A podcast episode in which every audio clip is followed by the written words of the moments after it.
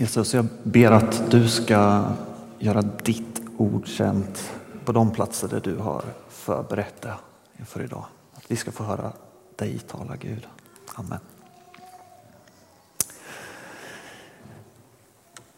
Idag så har vi kommit till kapitel 16 till och med 20 i Apostlagärningarna som vi läser under den här sommaren i vår eh, serie Andens folk.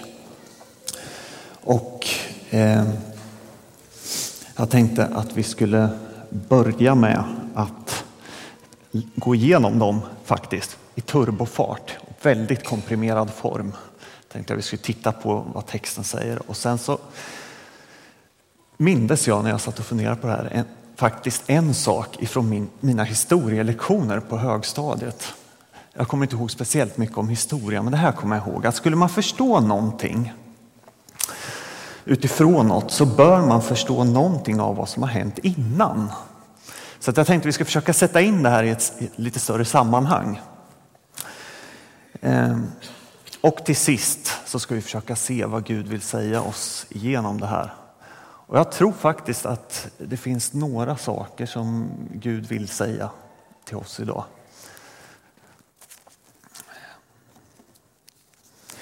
Så, kapitel 16 till 20.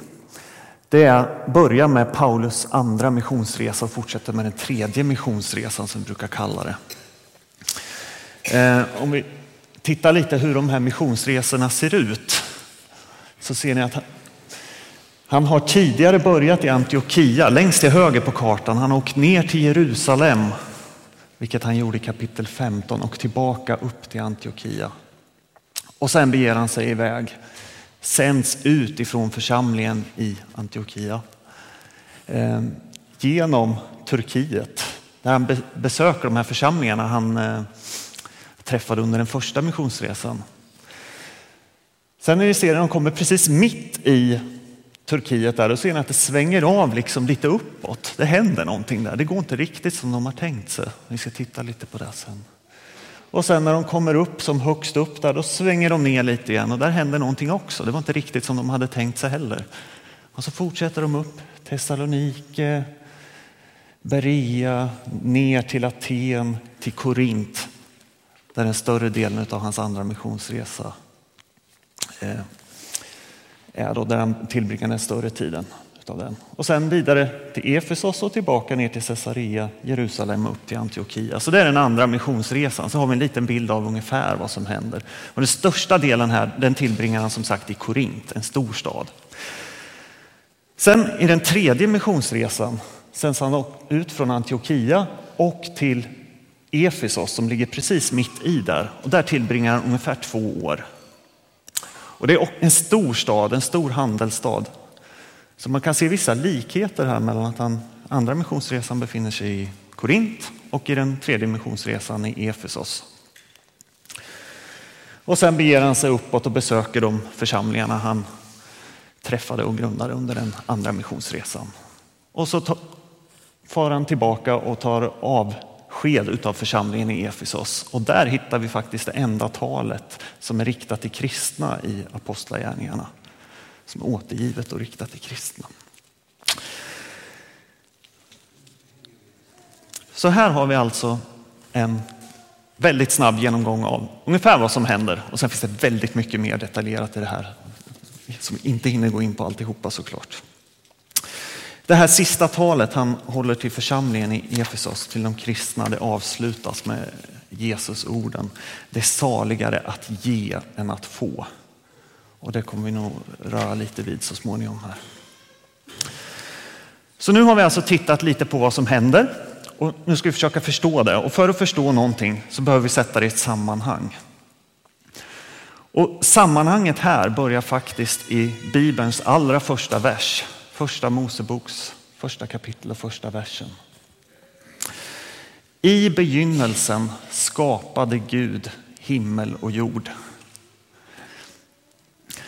Det här ser vi inte på svenska, men de som kan hebreiska och kan skriva böcker som jag kan läsa har förmedlat till mig att när man tittar på böjningen av de här orden så skulle man lika gärna kunna säga att Gud är givet i plural, alltså Gud som är flera. Alltså han är en, men han är samtidigt flera, skapar som en. Alltså redan här ser vi någonting om vem Gud är. Vi kan skönja att Gud är Fader, Son, Helig Ande redan i Bibelns allra första vers. Att Gud är gemenskap, att Gud är kärlek. Läser vi sedan vidare i Bibeln så ser vi hur han skapar människan med målet att vi människor ska ingå i den här gemenskapen som Gud är. Gud som är gemenskap, Gud som är kärlek.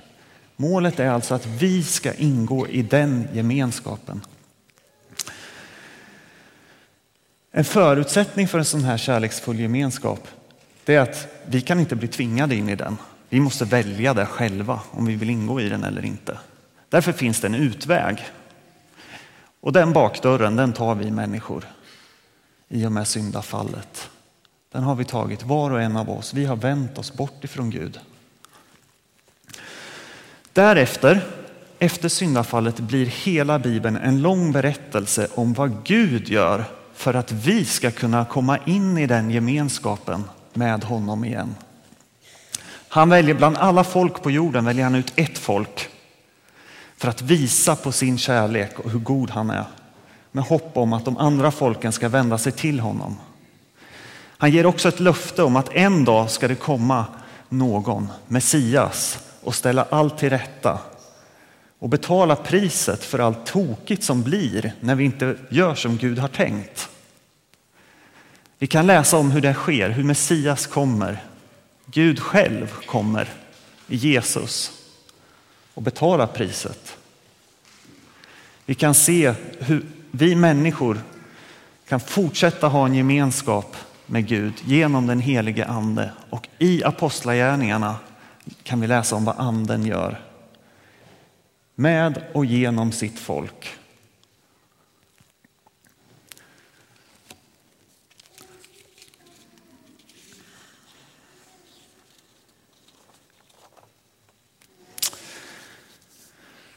Redan i Apostlagärningarnas första kapitel så sätter vi, sätts det liksom en liten agenda för vad kommer den här boken att handla om? Vad är det vi kommer få läsa om?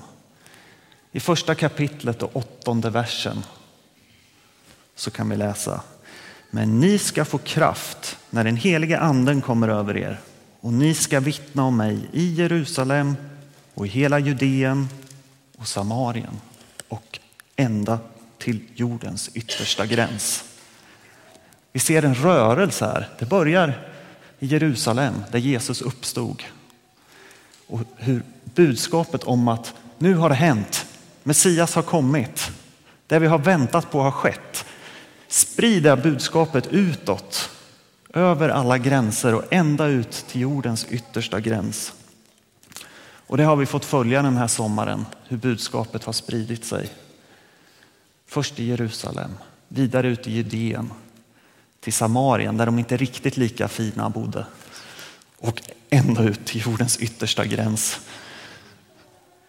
Så är det den rörelsen vi befinner oss i när vi kommer in i kapitel 16 till 20. Hur det är på väg ut i, genom nuvarande Turkiet, Grekland, vidare så Apostlagärningarna är i princip en berättelse om hur Gud leder genom kyrkan. Och hur vi utifrån det skulle kunna, vi skulle faktiskt kunna formulera kyrkans uppdrag utifrån det här. Och jag gillar en eh, formulering som en teolog som heter Daniel Migliori har formulerat. Så det här är egenhändigt översatt Delvis med hjälp av Google Translate, men sen behövdes det putsas lite. Eh, och han skriver så här ungefär. Kyrkans mission, alltså uppdrag, har en trinitarisk grund. Alltså en grund i att Gud är Fader, Son, Helig Ande. Gud är gemenskap och kärlek.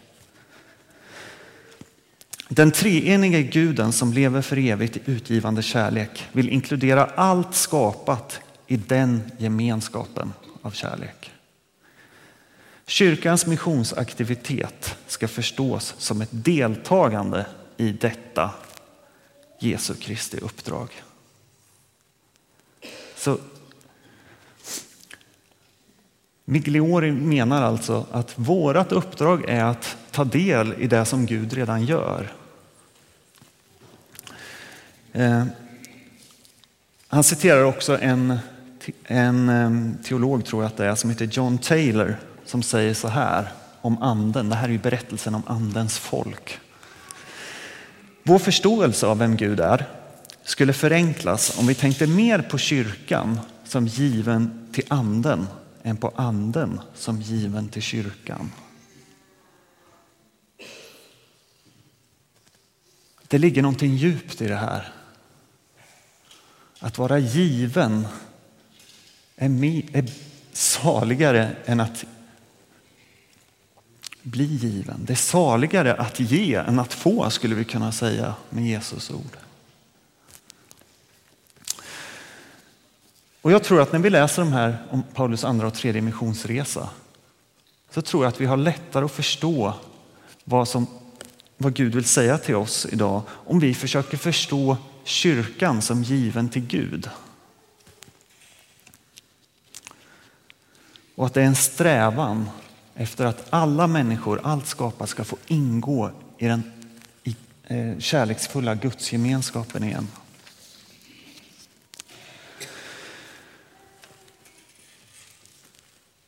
Så om vi nu går vidare och försöker se vad vi kan lära oss utifrån det här. Om vi kan höra Gud säga någonting till oss idag utifrån den här texten. Så tror jag att det handlar om gränser. Vi ska titta på lite olika gränsöverskridanden. Och nu har jag lagt upp här, för jag vet själv hur det är när man sitter i en predikan. att det, det, kan vara lite svårt att hålla tråden och var är vi och vad talar till mig om man fastnar där. Och man... Så jag har lagt upp en liten struktur så ni ska se ungefär var vi är någonstans. Jag tänker säga tre punkter då, som man väl brukar säga. Eh, det första som jag skulle vilja säga det är att vi kan här läsa om hur Gud leder de som redan känner Gud. Vi får följa med Paulus och många andra genom apostlagärningarna. Eh, och Gud leder här på ett nytt sätt. Gud visar sina nya vägar. Han säger att nu har det hänt, det som ni har väntat på. Hör upp här. Eh, och vad är det vi kan läsa att Paulus gör när han beger sig ut? Jo, när han kommer till en ny stad finns det en synagoga där då går han dit. Han går dit där Guds folk är och för vidare Guds budskap till Guds folk. Det får väldigt blandade reaktioner. Det är inte alltid så att de ställer sig upp och applåderar. Det blir stora motstånd. Thessalonike får han fly ifrån under natten.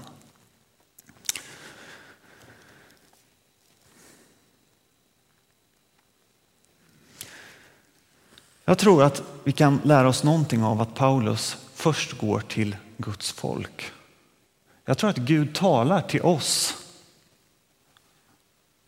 När Gud vill någonting så börjar han att berätta det i sin gemenskap.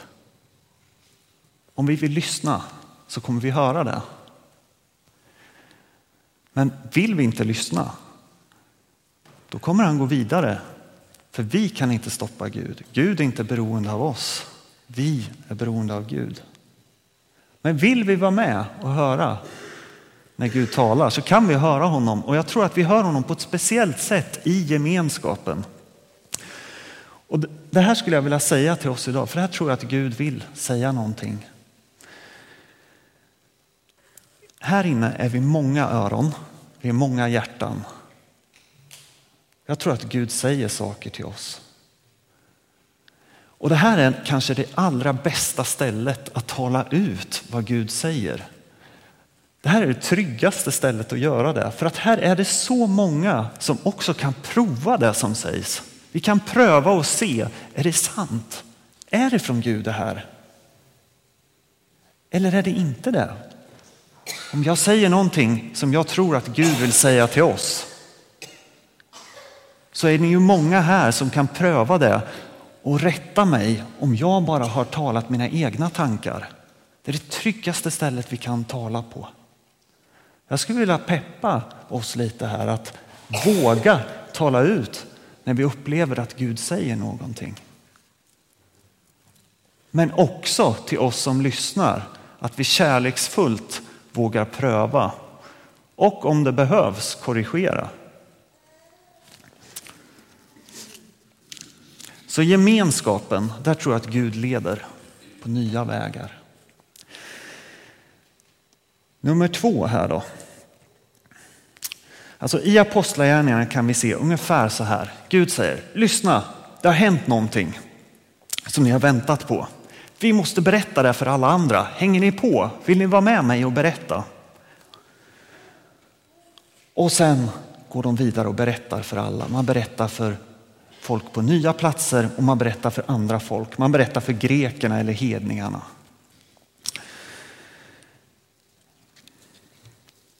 Alltså, man går vidare även till de som inte tidigare har lärt känna, lärt känna Gud. Det handlar inte bara om att föra ut budskapet till judarna, till Guds folk, utan även till andra. Och om gemenskapen är viktig och om det här handlar om att gå över gränser så tror jag aldrig att vi behöver vara ensamma när vi går över en gräns. Utom möjligen, och nu säger jag möjligen, en gräns.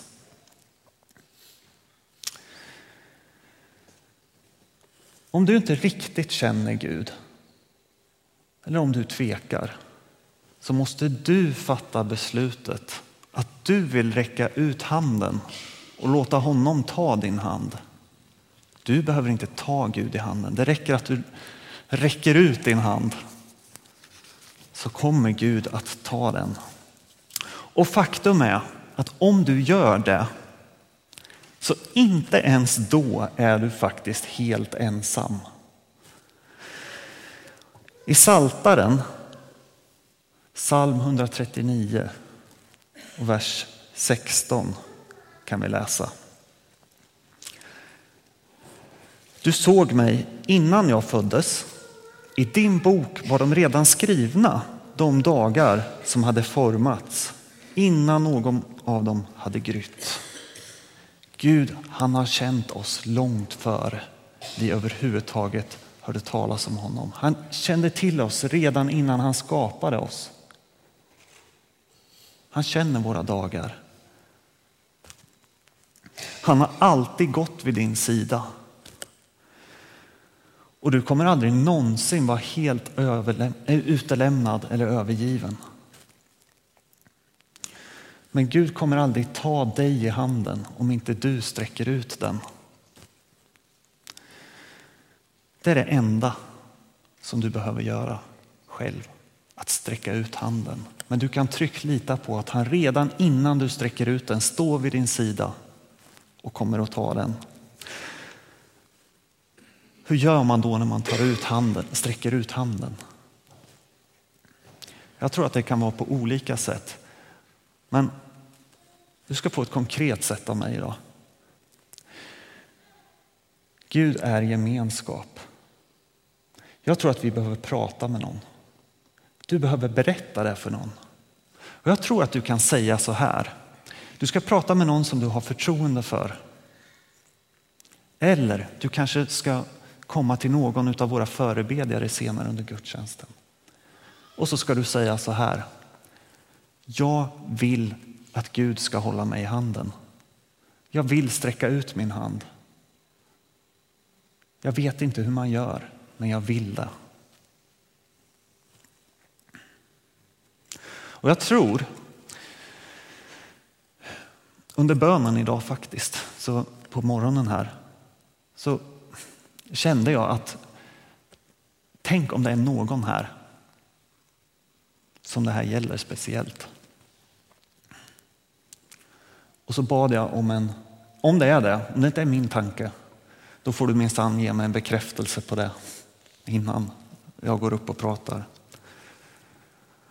Och jag upplever att jag har fått den bekräftelsen. Så om du känner att det här gäller dig, då vill jag peppa dig till att under förbönstunden eller senare idag dela det med någon och säga att jag skulle vilja att Gud höll mig i handen.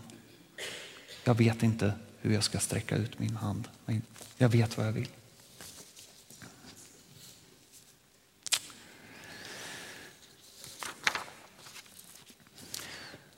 Den tredje och sista saken som jag skulle vilja att vi drar ur de här bibeltexterna.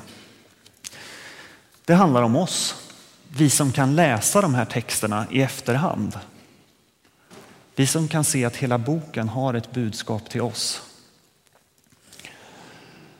Alltså hur vi, andens folk, får vara hans redskap. Och den första saken, nu ska ta den här sista i tre små delar här. Vi kan i Apostlagärningarna 13 kapitel, andra och tredje versen, innan Paulus första missionsresa, så kan vi läsa Medan de en gång höll gudstjänst och fastade sa den heliga anden till dem Avdelna Barnabas och Saul för den uppgift som jag har kallat dem till. Efter fasta och bön la de sina händer på dem och skickade iväg dem. När vi går över gränser, när vi är Guds redskap, så sker det alltid utifrån något. Utifrån en gemenskap. Gud som ju är gemenskap. Om det ska ske utifrån honom så måste det också ske utifrån hela hans gemenskap där också människor ingår. Jag tror att församlingen, som vi brukar säga, är otroligt central här.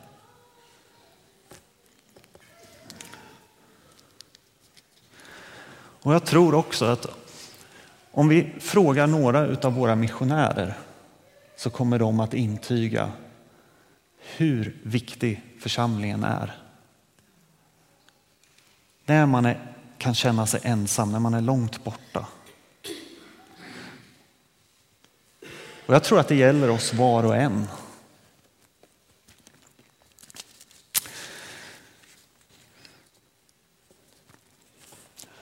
Om vi går vidare till B kan vi ta. Jag tror också att vi sitter här som har burit på en längtan eller bär på en längtan om församlingen. Tänk om vi kunde få gå över fler gränser. Tänk om vi kunde få berätta för flera människor om vem Gud är. Du kanske upplever att Gud vill någonting speciellt med oss, men att det inte händer. Du kanske har längtat efter någonting länge, men att det inte har hänt något. Du kanske till och med har blivit så besviken att du stundtals har haft svårt att gå hit. Och då tror jag att Gud vill säga någonting till dig. Det första han vill säga det är faktiskt en fråga. Han vill fråga om din längtan handlar om ett sätt att göra och ett sätt att nå resultat som du tror skulle kunna nås. Eller handlar din längtan innerst inne om att ära Gud? Kanske genom att fler ska få lära känna honom. Är det sättet att göra på eller är det äran till Gud som är det centrala? När vi tittade på Paulus andra missionsresa för en stund sedan så såg vi att det var lite krokigt inne i Turkiet. I Apostlagärningarna 16 kapitel, vers 6-7 så kan vi läsa om det. De tog sedan vägen genom Frygen och Galatien eftersom den helige anden hindrade dem från att förkunna ordet i Asien. När de hade nått Mysien ville de bege sig till Betynien, men det tillät inte Jesu ande. Alltså här ser vi människor som har en längtan, de vill göra något och de ser ett sätt och de går. Men så säger Gud att nej, nej, nej, det är inte det här jag vill. Jag vill att du ska göra på ett annat sätt. Jag vill att ni ska gå en annan väg. Ja, så gör de det. Och så stöter de på patrull igen. Nej, nej, nej, inte häråt. Jag vill någonting annat. Alltså, de lägger sig inte ner och grinar. De drar sig inte undan, utan de fortsätter att gå övertygade om att Gud leder. Jag tror inte de förstår varför Gud vill att de ska gå åt ett visst håll. Men de lyder och gör det. Så du som känner dig frustrerad, du kan välja här. Antingen fortsätter du vara frustrerad och drar dig tillbaka. Det är den lätta vägen. Den är väldigt lätt. Men det finns en annan väg. Den vägen som Paulus och de andra gick. Och de fick vara med om mycket. Och jag tror att Gud frågar dig. Om min väg är en annan än den du tänker, vill du ändå gå med mig? För flera år sedan så var jag i Asien och trodde att jag och min fru Karin skulle bli missionärer. Jag gick i stort sett runt och tittade på vilket hus vi skulle flytta in i. Ja, det är ganska naivt, men så tänkte jag. Och sen förstod jag efter ett tag där att Karin var inte alls inne på det här. Hon såg inte på det här på samma sätt som jag. Och jag började förstå att, jaha, det kanske inte är riktigt som jag tänker. Och det var precis som Gud sa till mig, Örjan. Om min väg för dig inte är att du ska vara missionär, vill du ändå följa mig? Ja, okej okay då. Jag vet fortfarande inte om Gud vill att jag ska vara missionär någon dag långt i framtiden. Det vet inte jag. Men jag vet definitivt att det inte var läge just där och då. Jag tror att om du är frustrerad så ska du dela det med någon som du har förtroende för. Jag har varit mycket frustrerad. Jag har haft svårt att vara i församlingen. Men det som har burit mig det är att jag har haft vänner att prata med som jag har fått dela min frustration med. Vänner som har lyssnat. Vänner som har sagt emot mig.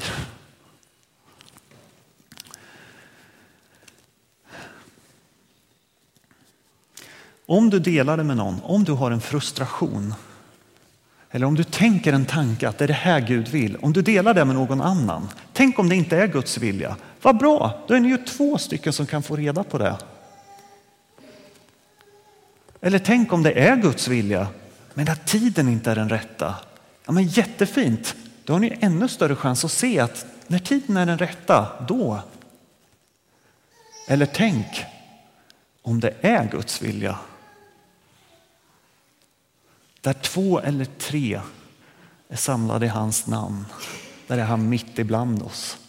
Det har Jesus själv lovat.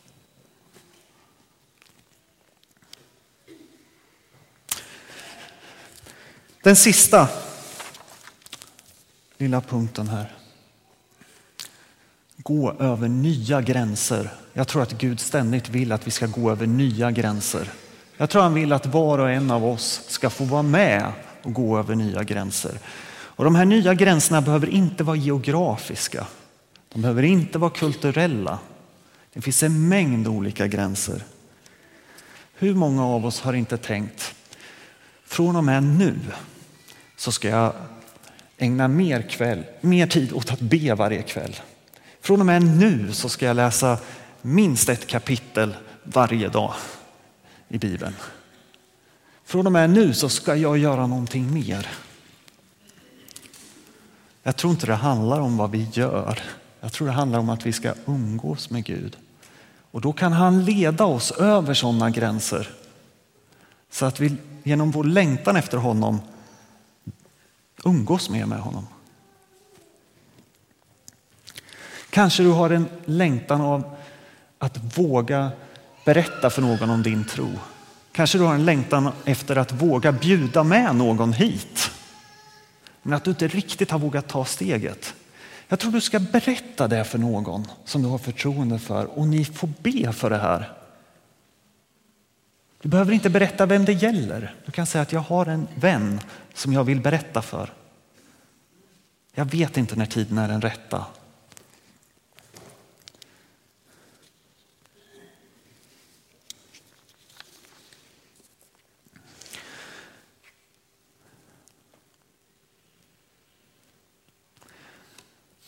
Avslutningsvis, nu har jag sagt det många gånger, men jag tror att vi behöver prata med varandra. Jag tror att vi behöver be tillsammans, för det är gemenskapen som Gud uppträder som tydligast. Gud som är gemenskap.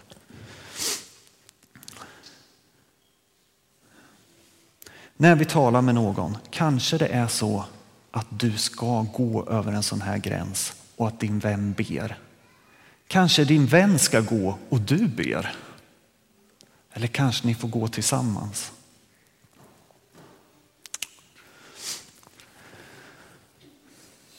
Låt oss be. Jesus, tack för att du gör din röst hörd genom din gemenskap. Ber om mod att vi ska våga tala ut ditt ord ännu mer och att vi kärleksfullt ska hjälpa varandra och korrigera varandra om det blir tokigt eller kärleksfullt bekräfta varandra när vi har fått höra dina ord. Jag ber för de som inte riktigt har, tag, har fått tag i din hand än. Jag ber om mod att våga sträcka ut handen och lita på att du kommer ta i den. Tack för att vi får lägga alla andra tankar åt sidan. Men hur blir det med det då? Och hur blir det med det? Och jag som gör si och jag som gör så. Det spelar ingen roll. Vi får sträcka oss ut efter dig och du kommer ta i vår hand. Tack för att vi får vara en del av ett större sammanhang där du är centrum. Tack för att vi får dela våran längtan med dig och med andra. Att vi får dela vår frustration med dig och med andra. Låt oss förstå vilka gränser du vill låta oss vara med och överskrida. Och ge oss mod att våga. I Jesu namn. Amen.